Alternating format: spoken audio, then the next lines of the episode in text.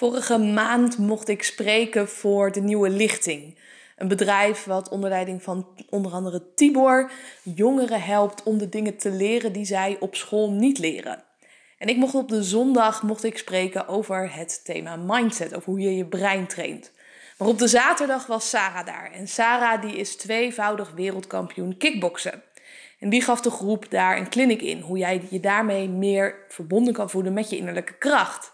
Dat was voor mij ook de aanleiding om haar te vragen voor mijn podcast. Dus je gaat strakjes luisteren naar onze podcast, waarin twee powervrouwen met elkaar in gesprek gaan over in je kracht komen staan, over het thema mindset, over hoe jij vanuit je intuïtie kan handelen, maar ook hoe je daarmee dus in contact kan komen op het laatst gaan we ook nog even in op het thema hè, stoppen met hormonen. En ik weet zeker dat als jij als vrouw zijn hiermee bezig bent, dat je dit bijzonder interessant gaat vinden hoe je dit aan kan pakken. En hoe je daarmee ook meer in lijn kan leven met hoe wij als vrouwen bedoeld zijn om te leven. Kortom, luister snel naar deze podcast als je hier meer over wil ontdekken. Ik ben Sarah, 32 jaar. Ik ben altijd topsporter geweest. Ik heb kickboksen gedaan. Tweevoudig wereldkampioen geweest. En ik heb nu een eigen PT en small group studio. Ik werk ook nog drie dagen bij jeugdbescherming. En uh, nou, ik woon samen. Dat is wel een beetje de basis. Ja, ja. ik dacht inderdaad het standaard riedeltje ja, is. Ja, zo is het altijd hè. Ja, dat is vaak als mensen zich voorstellen, dan zeggen ze iets over dan uh, je leeftijd, of waar je woont, of met wie je woont, of wat je doet. Ja. En uh, als we dan juist die diepere laag zouden bekijken, als je iets meer over jezelf zou moeten vertellen, wie ben jij? Nou, ik denk dat ik, ik ben heel bescheiden. Dat, dat heeft ook wel een beetje mijn uh, carrière ook altijd wel uh, zeg maar gekenmerkt. Ik ben rustig van aard, ik ben ook best wel een introvert. Dus ik kan, ik kan heel goed in, in drukke ruimtes zijn en zo, maar ik laat het meestal op als ik gewoon lekker helemaal in rust ben. Of met zenmuziek of met een boekje op de bank lezen. Dat is grappig, want dat denken heel veel mensen niet. Ik wou zeggen, dat ja. uh, matcht niet helemaal met het beeld denk ik wat mensen van kickboxers hebben. Nee, helemaal niet. Dus daarom was iedereen ook altijd die mij kent van, huh, doe jij kickboksen? Dat had ik helemaal niet meer verwacht. Ja, ook omdat ik, uh, mensen vinden me altijd een beetje lievig en rustig. Dus nou, ik denk ook dat dat wel een beetje de kenmerken zijn uh, van wie ik ben, zeg maar. Dus, ja. ja. En je bent natuurlijk tweevoudig wereldkampioen geworden in het kickboksen. Ja. Hoe ben je daar ooit mee begonnen? Had je dat als nou. klein meisje al, die droom? Nee, helemaal niet. Helemaal niet. Ik, uh, ik, ben, ik heb wel altijd heel veel sport gedaan. Dat vond ik altijd heel leuk. Dus ik heb een tijdje atletiek gedaan. En uh, nou, toen kwam ik, uh, was ik 12, 13. En toen kwam ik zo'n fase van, nou, ik weet eigenlijk niet wat voor sport ik wil doen. En toen ging ik bij een fitnessschool. Ging dan wel een beetje op de loopband af en toe wat rennen en zo. En dacht ik, dan ben ik een beetje in beweging. En um, daar was een vrouw en die gaf twee keer per week uh, kickboksen. Nou en toen ik 13 was, dat is dus 20 jaar geleden. Dus toen was het helemaal geen populaire sport, kickboksen. Helemaal niet onder de vrouwen, denk ik? Helemaal niet, nee, nee. Dus zij vroeg aan mij van, ja, kom je nou een keertje met kickboksen? Dat is leuk, dat zou je wel leuk vinden. Want ze zag gelijk dat, ik best wel fanatiek aan het rennen was. En uh, ik zei van nee, je bent gek, dat is voor mannen, dat ga ik echt niet doen. En um, nou, ze heeft denk ik wel een half jaar in mijn hoofd gestuurd van ga je nou alsjeblieft een keer meedoen, dat is superleuk. En toen dacht ik, nou weet je wat, ik doe wel gewoon een keer mee, dan ben ik van haar gezeur af. Nou ja, en toen uh, ben ik gelijk verslaafd geraakt. Waarom dacht je dat zij zo graag wilde dat je mee zou doen?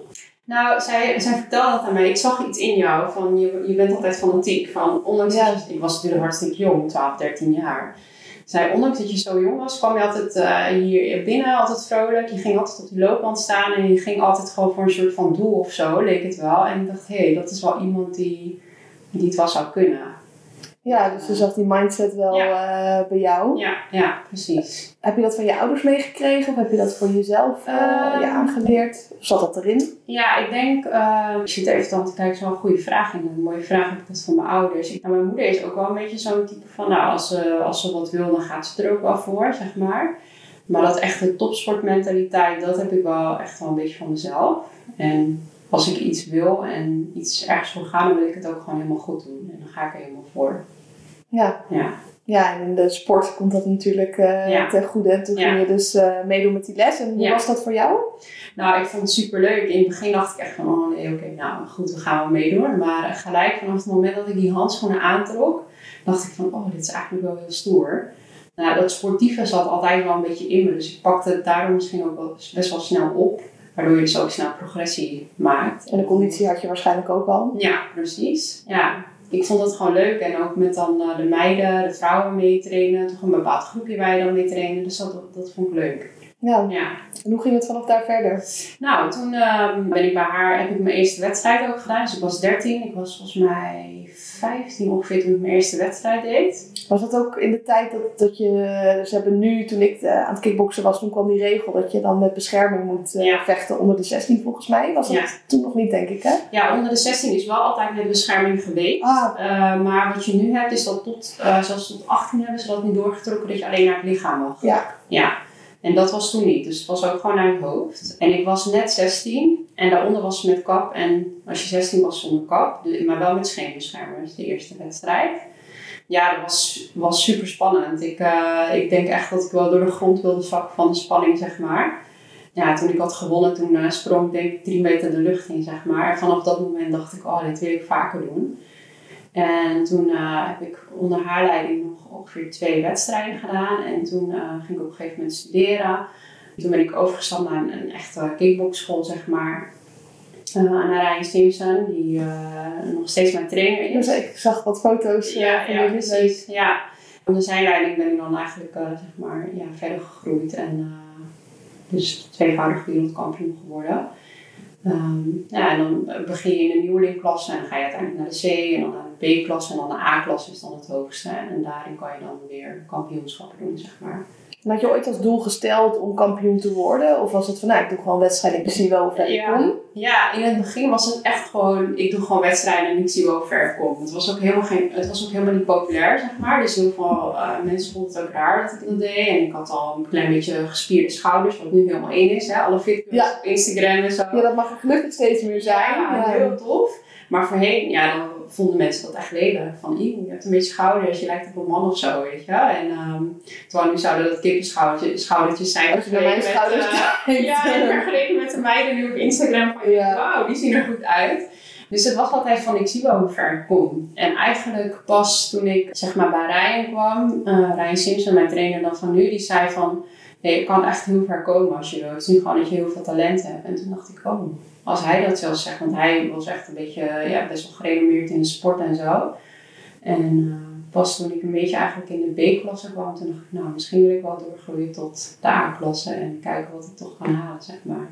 Ja, het is eigenlijk juist vanuit die ongehechtheid, niet per se dat doel super scherp hebben, dat je misschien nog wel veel meer bereikt hebt dan dat je eigenlijk had kunnen bedenken. Ja, absoluut. Ik ben er helemaal niet zo ingestapt van, ik ga dit doen en ik ga wereldkampioen worden. Nee. Nee, het is als bij jongens die zeggen, ja, ik wil profvoetballer worden. Ja, En alle mensen die ik in mijn podcast heb gehad die profvoetballer zijn geworden, die hebben het ook helemaal niet als doel gesteld. ja, Of nee. de mensen die dat als doel hadden gesteld, die zijn in de andere sport weer eh, kampioen geworden. Kampioen geworden, ja. ja. Nee, dat, dat eh, is ook echt wel bij mij zo, zeg maar. En ik denk ook wel dat dat eh, het uiteindelijk ook heeft gemaakt dat ik zo ver ben dat ik het ben gaan doen omdat ik het leuk vind. En niet om dat doel te halen van ik moet dit doen. Nee, vind het leuk om te doen. En zo ben ik er verder in gegroeid, zeg maar. Ja, Ja, dat we specifiek kijken naar een stukje mindset. En het was natuurlijk een- ook een stukje talent bij jou. Bij Ja. mij niet anders. Ik heb heel veel aanleg om eh, sterk te zijn. ja. Maar ook die mindset is belangrijk om uiteindelijk op een wedstrijd die prestatie te kunnen leveren. Of om überhaupt iets met het talent te doen. ja. Welke eigenschappen heb jij, denk je, die in de topsport daarin eh, heel goed uit de verf kwamen?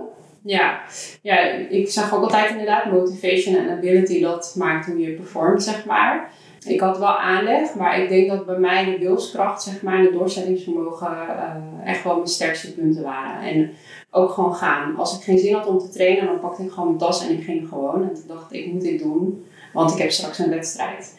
En ik denk dat dat mij het verst heeft gebracht, maar. Want ik had, ik had wel talent, maar er zijn mensen die veel meer talent hebben met kickboksen dan ik, ik heb. Zeg Ja. En- waar ze niks mee doet. Nee, precies, ja. Maar omdat ik elke keer ging en gewoon constant trainde en, en heel consequent. En ook als het een keer niet ging of een keer, eh, weet je, dat ik geen zin had, ik ging en ik deed het. En, en dat heeft wel gemaakt dat ik zo ver ben gekomen.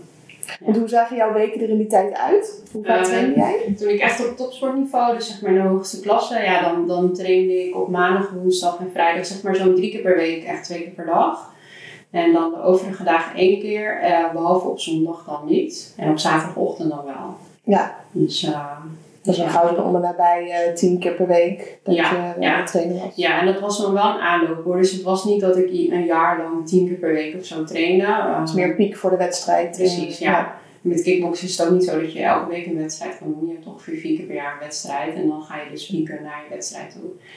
Ja, en na je wedstrijd heb je dan een verwinnerrustmoment. En zo ga je weer langzaam opbouwen naar het piekmoment. Ja, Ja. en in powerlift heb je natuurlijk eh, door het jaar dan trainen. Dan heb je je bouwstuk, dan train je ongeveer op 80%. Ja, Dan ga je naar je piek, zo'n zes weken voor de wedstrijd. Dan pak je zwaardere gewichten richting de 90, 95 procent. ja. Dan ga je deloaden, rusten voor de wedstrijd. Dan heb je de wedstrijd en dan ga je weer deloaden.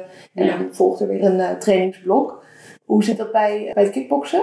Nou, bij het kickboksen, als je je wedstrijd, dus ik begin even vanaf het moment dat je je wedstrijd hebt gehad, dan, eh, nou, dan eh, natuurlijk afhankelijk van hoe je de ring uitkomt, heb je je rust. Dus en soms heb je een paar dagen heb weer zin om te trainen, maar soms ben je ook wat gehavender dan de andere keer. En dan kan het twee weken duren voordat je weer... En dan train je helemaal niet. Nee, soms heb, had ik echt wel twee weken gewoon dat ik helemaal niks deed. Ook afhankelijk van hoe de wedstrijd was gegaan, maar ook hoe de voorbereiding van de vorige wedstrijd was gegaan. Soms ben je gewoon even op. Kijk, je doet ook een zware waterkut. Of, of dat doet niet iedereen. Ja, ja de- sommige jongens deden het wel. Ik had altijd de mazzel dat ik niet zoveel hoefde af te vallen. Dus eh, omdat ik altijd wel redelijk goed op mijn gewicht lette, zeg maar. Maar ja, soms had je dat wel, dat je dat inderdaad veel moest afvallen. Dus even een beetje afhankelijk van hoe dat was. Je rustperiode. Nou, laten we zeggen een week.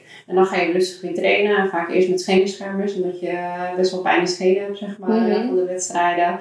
Nou ja, en dan als je bijvoorbeeld over acht weken weer een wedstrijd hebt, dan de eerste twee, drie weken is het gewoon rustig weer eventjes in je ritme komen.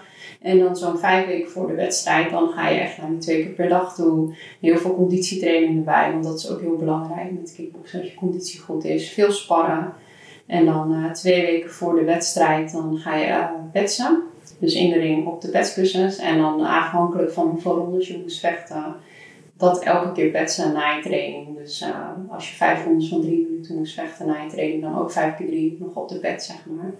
En dan de laatste weken ehm, ja, was het eh, zeg maar alles geven wat je nog hebt. En dan de laatste drie dagen rust voor je wedstrijd. Ja. Ja, En je hoort ook wel verhalen van vechters die dan eh, helemaal naar binnen gaan keren. Of juist helemaal de natuur ingaan om te Ja. ontwikkelen. Hoe deed jij dat?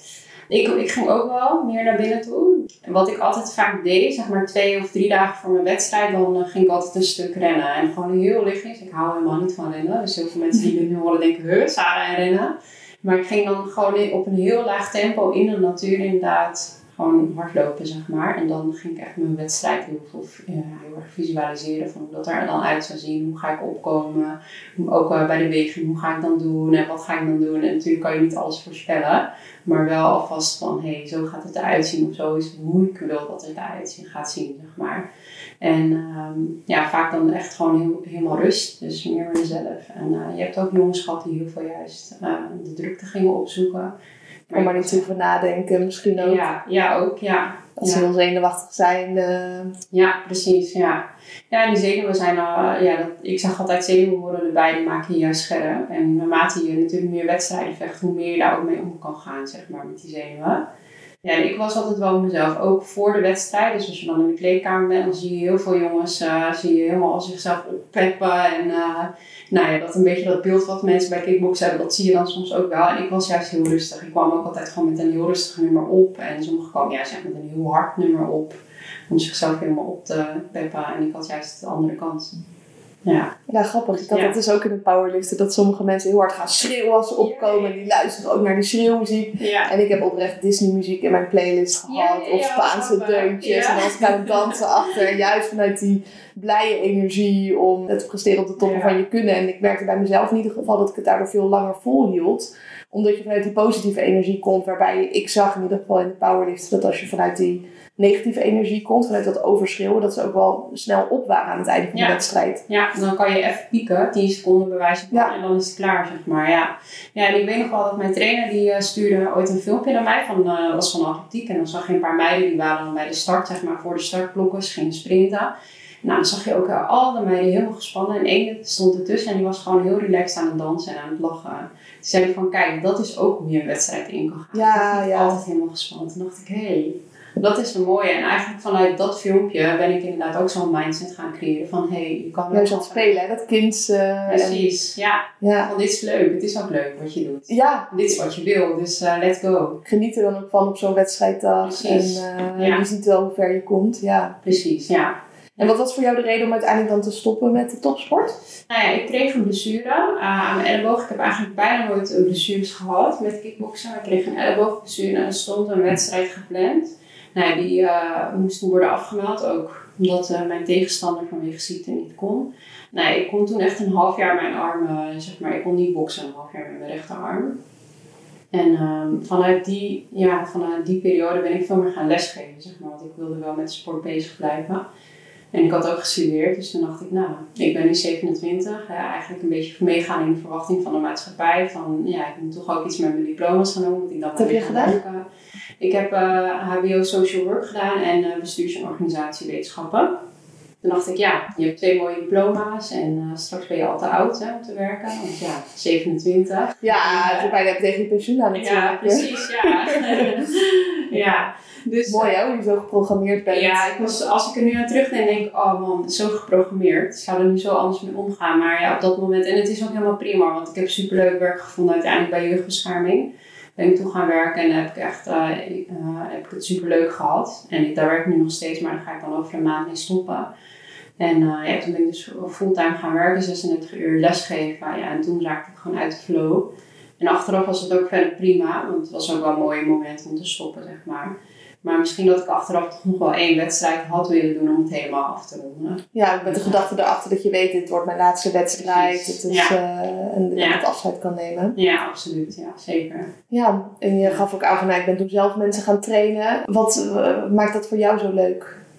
Nou, vooral de blijdschap en de, waar we het net over hadden, het positief en dat speelse waar dames meekomen, is ergens... Uh, hebben ze altijd heel erg doel van ik wil afvallen of ik wil dit of dat. En ze denken dat ze dat willen? Precies. Terwijl als ze dan uiteindelijk komen en dan merk je van hé, hey, dat is helemaal niet wat je wil. Je wil gewoon lekker gezond worden en leuk kunnen sporten en met plezier naar sporten gaan. En als je dan ziet van hé, hey, dat lukt en dat werkt, ja, dat, dat geeft me heel veel voldoening. Maar ook gewoon als, uh, als iemand voor het eerst bij me komt en alleen al de handschoenen aantrekt, dan zie je al een soort van vrolijkheid over diegene heen komen. Of een soort van power van wow, ik heb gewoon handschoenen aan. En dat, ja, dat vind ik zo mooi om te zien bij de dames, zeg maar. Ja, dat je weer even dat ownership misschien denkt dat het daar ja. weer uh, symbool voor staat. Ja. Ik heb zelf ook een, een jaar gekickboxd, maar ik had heel veel moeite dus om mensen echt te slaan. Ja. Ik weet nog wel goed, ik had eerst zo'n schoolcursus gedaan. Ik was toen een jaar of uh, 18. En elke keer als ik iemand sloeg, dan zei ik sorry. Ja, ja. Want ik, ja, uh, ja.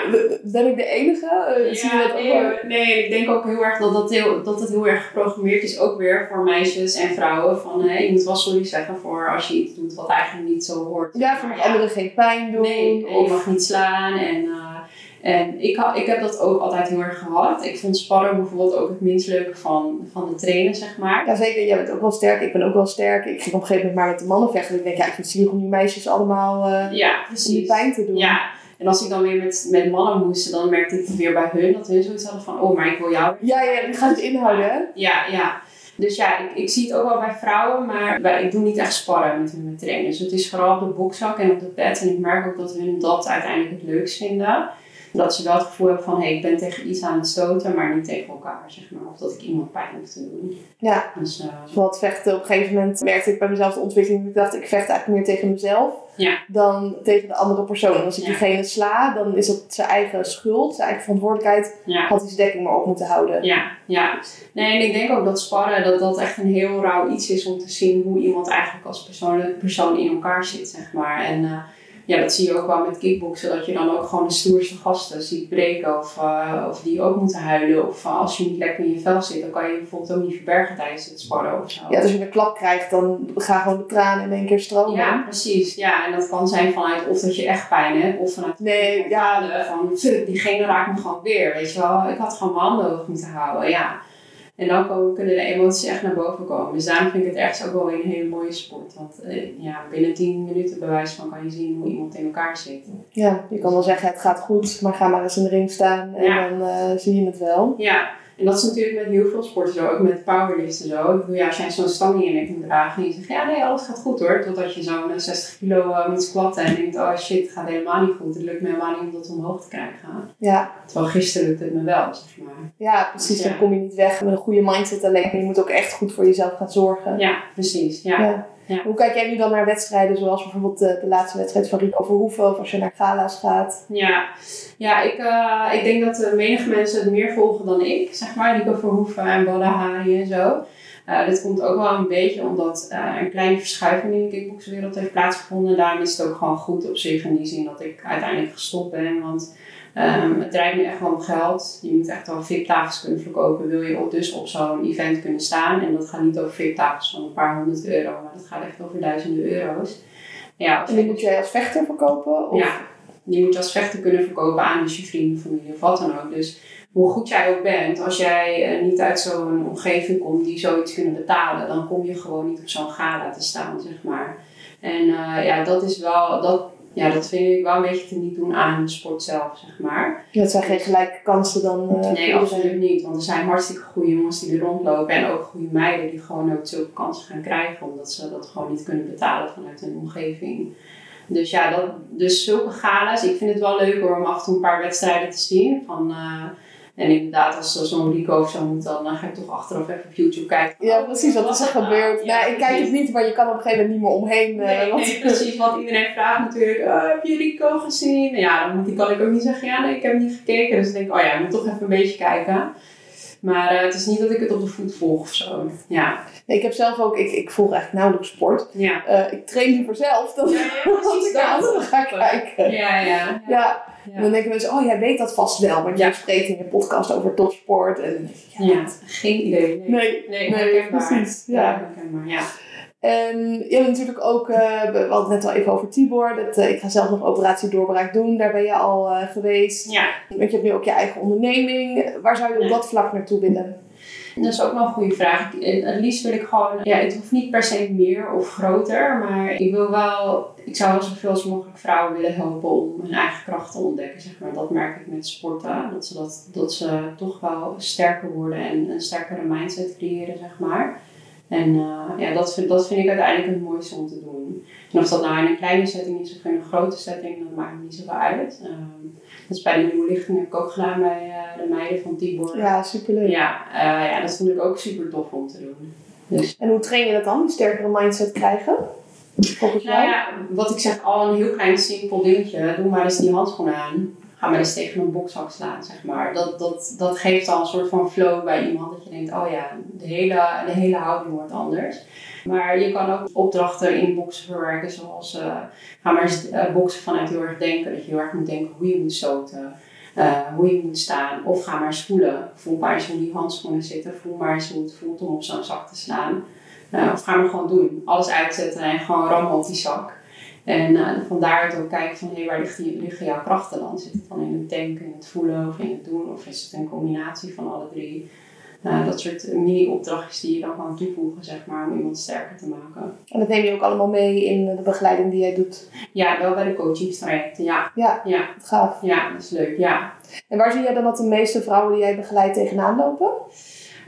Wat ik bij de meeste vrouwen zie, is dat ze zich klein houden. En ik heb daar zelf ook wel een handje van hoor. Dus eh, ehm, ik denk wel dat het een beetje, ja, wat ik zei, vanuit de maatschappij ook geprobeerd Ja, je moet lief hè. zijn als meisje, Ja, ja, eh, gehoorzaam zijn. Ja, ja, rustig zijn, jezelf niet laten zien. Ehm, dus, en dat, dat zie ik ook bij de vrouwen terug. Dat ze zichzelf niet eh, voldoende durven laten zien. Dat ze zoveel meer in zich hebben dan, dan ze laten zien, zeg maar. Mhm. Ja. Ja. Dus en daardoor ook bepaalde beslissingen niet durven maken als het gaat om werk, als het gaat om relaties. eh. Ja, ik vind het dus zo goed wat jij doet, want dat is voor mij ook een, het is mijn pijnpunt dat mensen dat doen. Dat ik denk, Ja. oh, waarom hou je jezelf zo klein? Ja. Ik zie je potentie, je doet Ja. er niks mee. En ja, ja, precies. voel je dat ook? Ja, absoluut, absoluut. En eh, het is ook een mooi leerproces voor mezelf hoor. Want eh, wat, wat ik al zei, ik heb dat zelf ook. maar ik, ik merk dat ik er nu wel steeds meer uit begin te komen. Zeg maar. En dan ga je ook steeds meer herkennen bij vrouwen van hé, hey, ik zie wat, wat ik had, dat zie ik nu terug in jou van. En dan kunnen zo'n simpel ding als handschoenen aantrekken en, en slaan tegen de zak kunnen al zoveel power, eh, kan ook power geven, zeg maar. Ja, precies. hey, als jij dit kan, met zulke handschoenen aan, wat kan je dan nog meer, zeg maar. Ja. Ja, dat is bij mij powerlifting niet anders geweest. Ja. Ik heb zelf dan een hele ernstige eetstoornis gehad. Dus ik heb mezelf letterlijk klein ook gehouden. Oh, En op een gegeven moment kom je dan in het powerliften. En dan merk je van, oh, ik kan nog zoveel meer kilo tillen dan ik dacht. Of zoveel meer medailles halen. Ja, En nu ben ik dan gestopt met de topsport. En ik denk, oké, wat is er dan nog meer mogelijk? Misschien was dat nog helemaal niet eh, de toppen van mijn kunnen. ja, En eh, misschien voor jou ook. Dat je dan merkt van, oh. Ik ben wereldkampioen geworden. Maar ehm, wat is er nog meer mogelijk voor mij om meer uit mezelf te halen? ja. Ja, leuk dat je dat zegt, want dat heb ik ook altijd wel eens hoor. En soms ook wel tot op een punt waarvan ik denk, ja Saar, wanneer is het dan goed, zeg maar? Wanneer ben je dan wel tevreden over jezelf?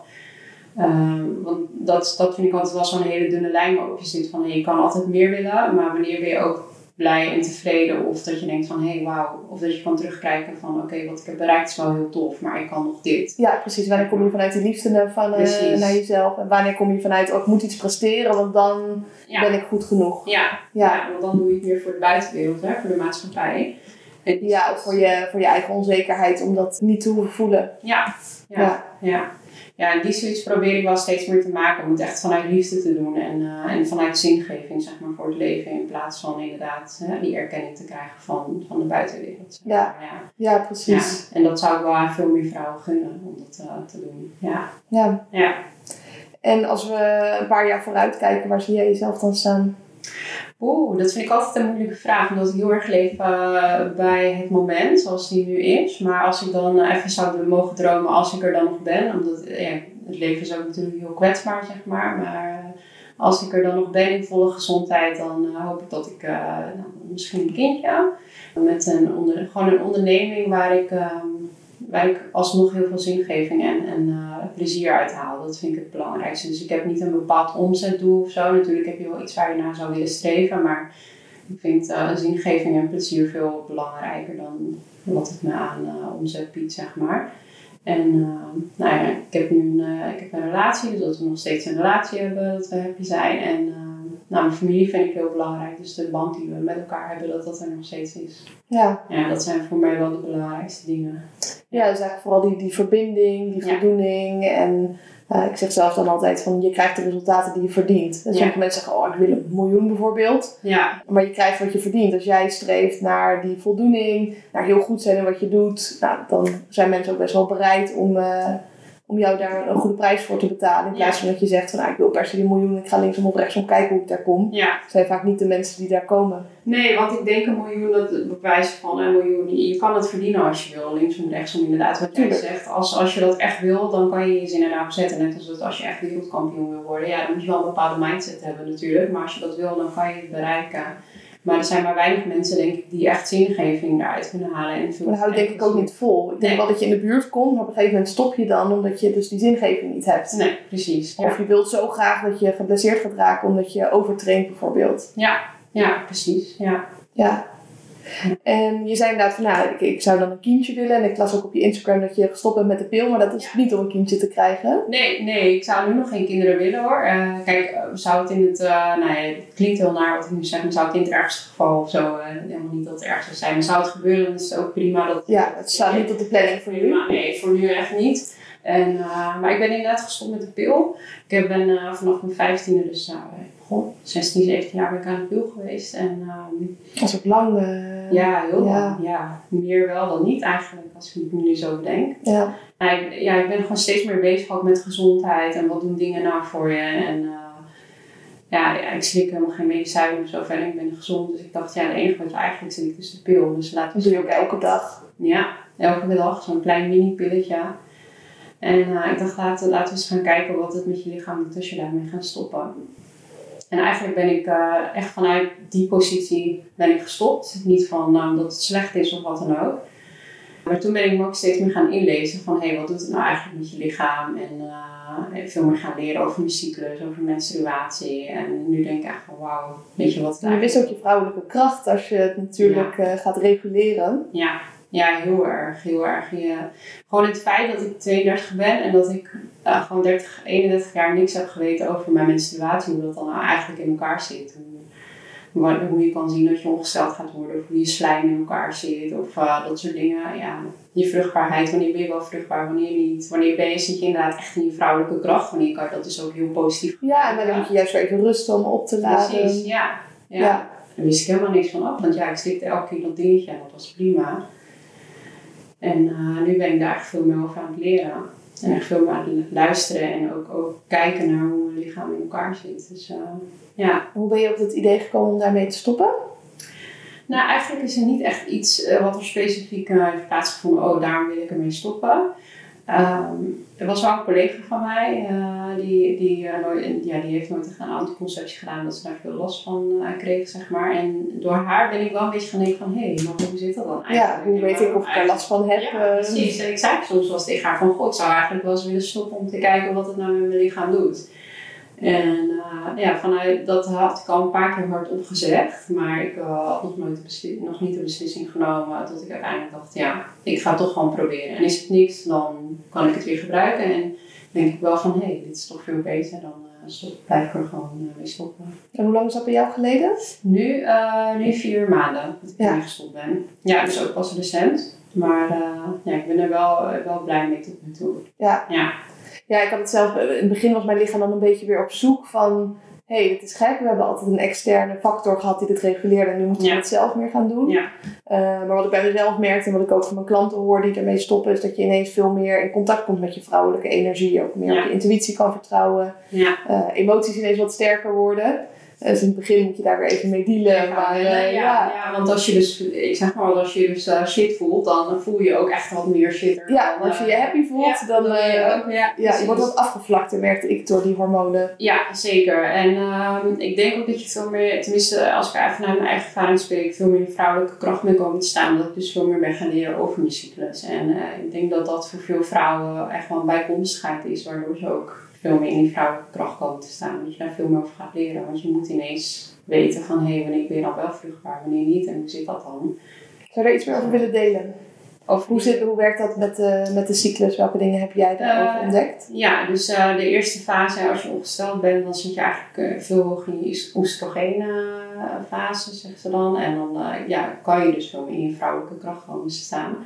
Dus eh, dan kan je bijvoorbeeld, eh, je, je, valt dan ook op bepaalde mannen, dus je partnerkeuze. eh, Niet anders dan. ja, ja. ja, precies. Dat zegt ze ook, hè. van Dat je dan echt op grotere mannen valt met een grote kaaklijn. En nou ja, eigenlijk de standaard mannen waarvan wij denken, oeh, ja, die zien er wel goed uit. Dat dat in, in die fase veel heftiger kan zijn, zeg maar. En nou ja, van daaruit ga je naar de prog- progesteronfase. En eh, ja, dan moet je eigenlijk veel meer in ruststand zitten, zeg maar. Want dan maakt je lichaam zich eigenlijk klaar voor een zwangerschap, zeggen ze. Dus eh, ja, Ja, en, en periodiseer jij daarmee dus ook je dagelijkse leven op basis van je cyclus? Nou, ik merk wel, zoals in deze cyclus, eh, dat ik echt in die laatste fase, dat ik wel veel moeier was dan normaal. Dus toen dacht ik van, hé, maar misschien moet ik dan ook naar mijn lichaam luisteren en meer rust gunnen, zeg maar. Want ik sta altijd zes uur in de ochtend op, maar dan merkte ik in die, in die fase van dat oes- oestrogeen heel hoog was, dan had ik echt vet veel energie. En dan dacht ik, oh ja, dit eh, gaat me heel makkelijk af. Maar op een gegeven moment vlakte dat een beetje af en dan ben ik moe. En dan dacht ik, hè, waarom lukt het me nou niet om op te staan? In feite weer hier ga je dat proberen op te lossen in je hoofd. Ja, in plaats van dat je gaat luisteren naar je lijf. Ja, en, ja, nou precies dat. En toen dacht ik, eh, toen ik daarover gelezen had, dacht ik, hé, hey, nu snap ik dus waar dat vandaan komt. Want je progesteron is veel eh, hoger dan normaal. En, en je lichaam is, op, is zich op hele andere dingen aan het voorbereiden in eh, wezen dan, dan wat jij wil, zeg maar. Dus luister daar gewoon naar. Ja, je kan wel bedenken dat je wil knallen, rammen en beuken. Want als Ja. je lichaam om rust vraagt, dan eh, Ja, precies. is het wel Ja. handig om daarnaar te luisteren. Ja. Ja.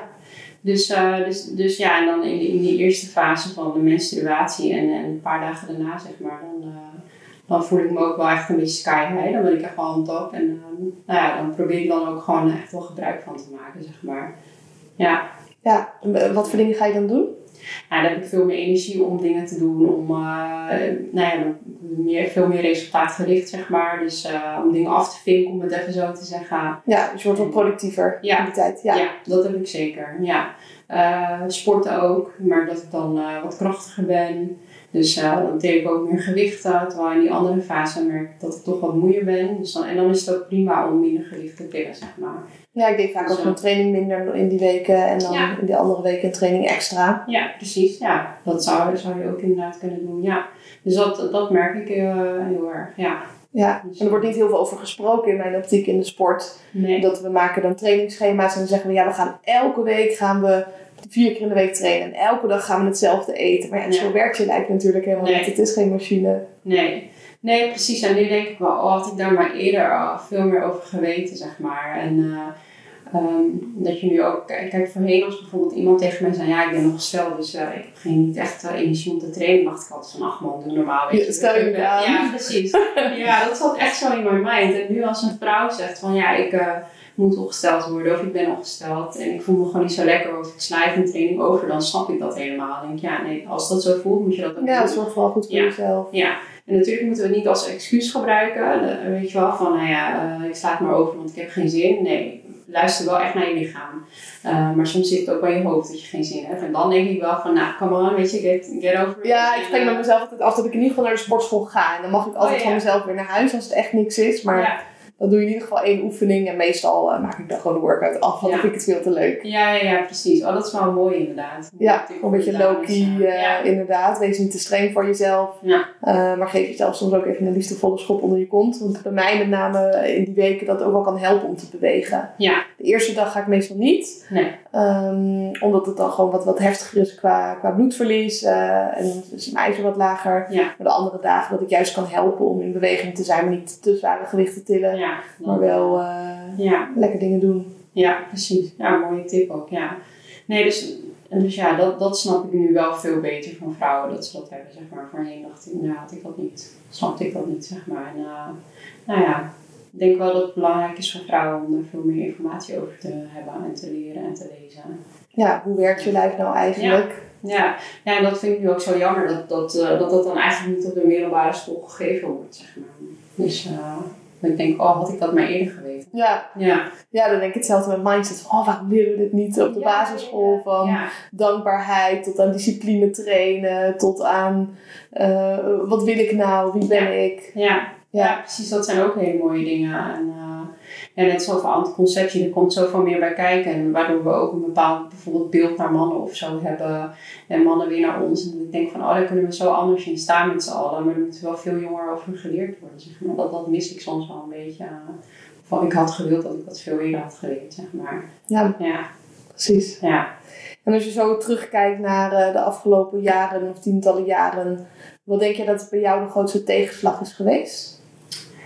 De grootste eh, tegenslag, eh, als ik kijk echt naar, naar mijn carrière in, in sport, dan komt gelijk één ding bij me oppoppen. En dat is dat ik mijn neus had gebroken.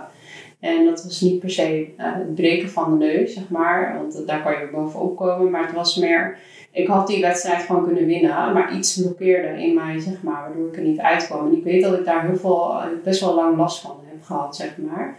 Het was voor mij best wel een, een grote tegenslag. Dus je wist eigenlijk dat je die wedstrijd kon winnen misschien. Ja, En toch eh, kwam het er niet uit. Nee, precies.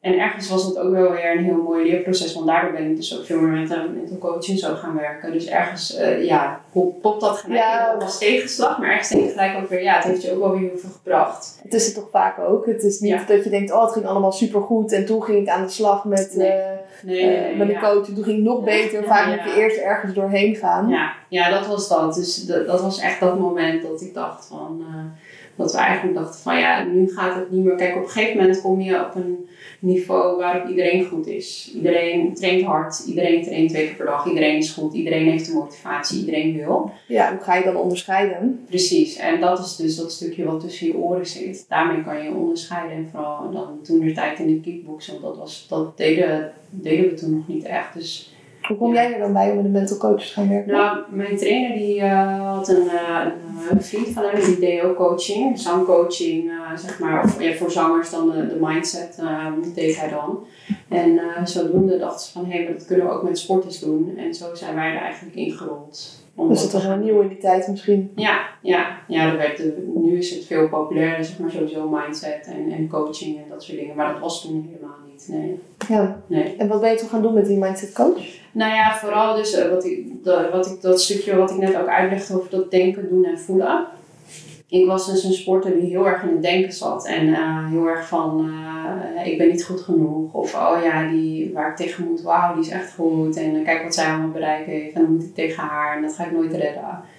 En dat, hebben, dat, hebben we, dat stukje hebben we vooral aangepakt door veel meer naar het doen te gaan.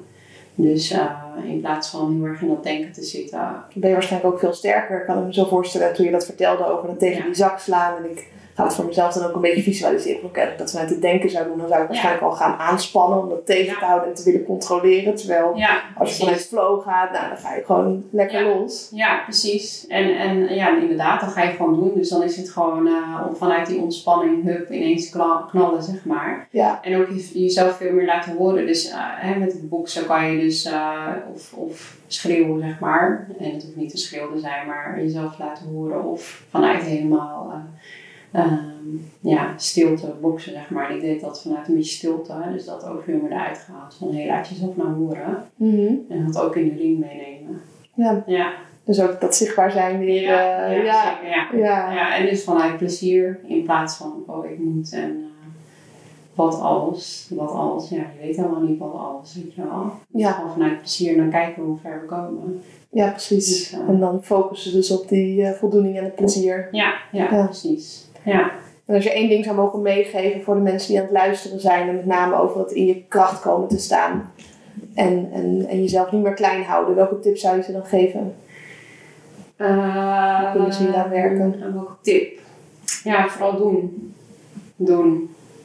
Dat heeft mij heel erg geholpen. Dus eh, als je twijfelt over een keuze, gewoon doen. Ja, Weet je? en dan voel je het wel. Ja, en weet je, als het fout gaat of, eh, of, of het lukt niet, weet je, blijf het doen, blijf proberen. En als je echt na een tijd, na een half jaar of drie maanden nog steeds denkt, ja, dat vind ik eigenlijk helemaal niet leuk of het lukt niet, dan pas stoppen, weet je wel. Niet na één keer al denken, ja, nee, het lukt niet, ik kan het niet. Het is Dus niks voor mij. Ja. Ja. Ja, ik bedoel, eh, ja, als je op muziekles of zo gaat, ga je ook niet na één dag gaan stoppen. Dan ga je ook uh, door blijven. Ja, ik heb Ja. tien jaar op pianoles gezeten. En, uh, ja, ja, ja. ja. Ja. en jij bent natuurlijk ook uh, weer bezig. Ja, ja, precies. Ja, volgende week heb ik mijn eerste les. Oh, zo leuk. Ja, ja, ja, piano. En dat heb ik ook gedaan, inderdaad. Maar ja, dat, dat vinden we allemaal heel logisch. Als we piano spelen of gitaar of viool, dat je dan gaat oefenen. Maar als we iets willen, anders willen, dan moet het in één keer goed. Ja. Dus ja. Ja, als jezelf daar gewoon de tijd in gunnen om Ja. uh, te groeien. Ja. Ja. ik ben ook niet in één jaar kampioen geweest. Dat heeft echt vanaf Nee. mijn dertiende tot, uh, het heeft 15 jaar lang geduurd, zeg maar. Ja, dat zien we vaak niet, hè, die weg ernaartoe. Dan uh, zien we alleen maar die prestatie. Nee, nee, ja. Nee, die weg ernaartoe, dat is, dat, dat, uh, nee, dat zien mensen niet. Nee. Dat is ook logisch, ja. Ja. Ja. In het kader van doen gaan wij ook lekker uh, aan de slag nog samen. Ja, oh my gosh. Gaan we even buiten zwemmen, Ja. de sauna in. Uh, Ja. Voor de podcast gaan we hem afsluiten. Ja, En als de luisteraars ook een keer zoiets willen doen, nou, dan moeten ze mij maar even een berichtje sturen. ja. En waar kunnen ze jou vinden als ze denken van ik wil een keertje met jou uh, aan de slag? Ja, nee, ik ben nu in mijn website is in de making. Dus Oh, maar ja, ja, en nee, voor nu ben ik voornamelijk heel actief op Instagram. Dus mijn volledige naam, Sarah erbij heb. En dan kan je me vinden. Leuk. Ja, Ja, yes. Top. Ja, zeker. Hartstikke leuk dat jij deze podcast hebt geluisterd over het trainen van een topsportmentaliteit. Ik hoop dat je een aantal inzichten eruit hebt gehaald waarmee jij direct aan de slag kan gaan. Maar mocht je nou meer nodig hebben, een stok achter de deur, een spiegel of wellicht een ander inzicht, neem dan even een kijkje op mijn website www.isabelleveteris.com en ontdek wat voor jou een logische vervolgstap gaat zijn. Of volg me even op Instagram via @isabelleveteris, waar ik dagelijks meer tips en tricks deel over mindset. Zie ik je daar?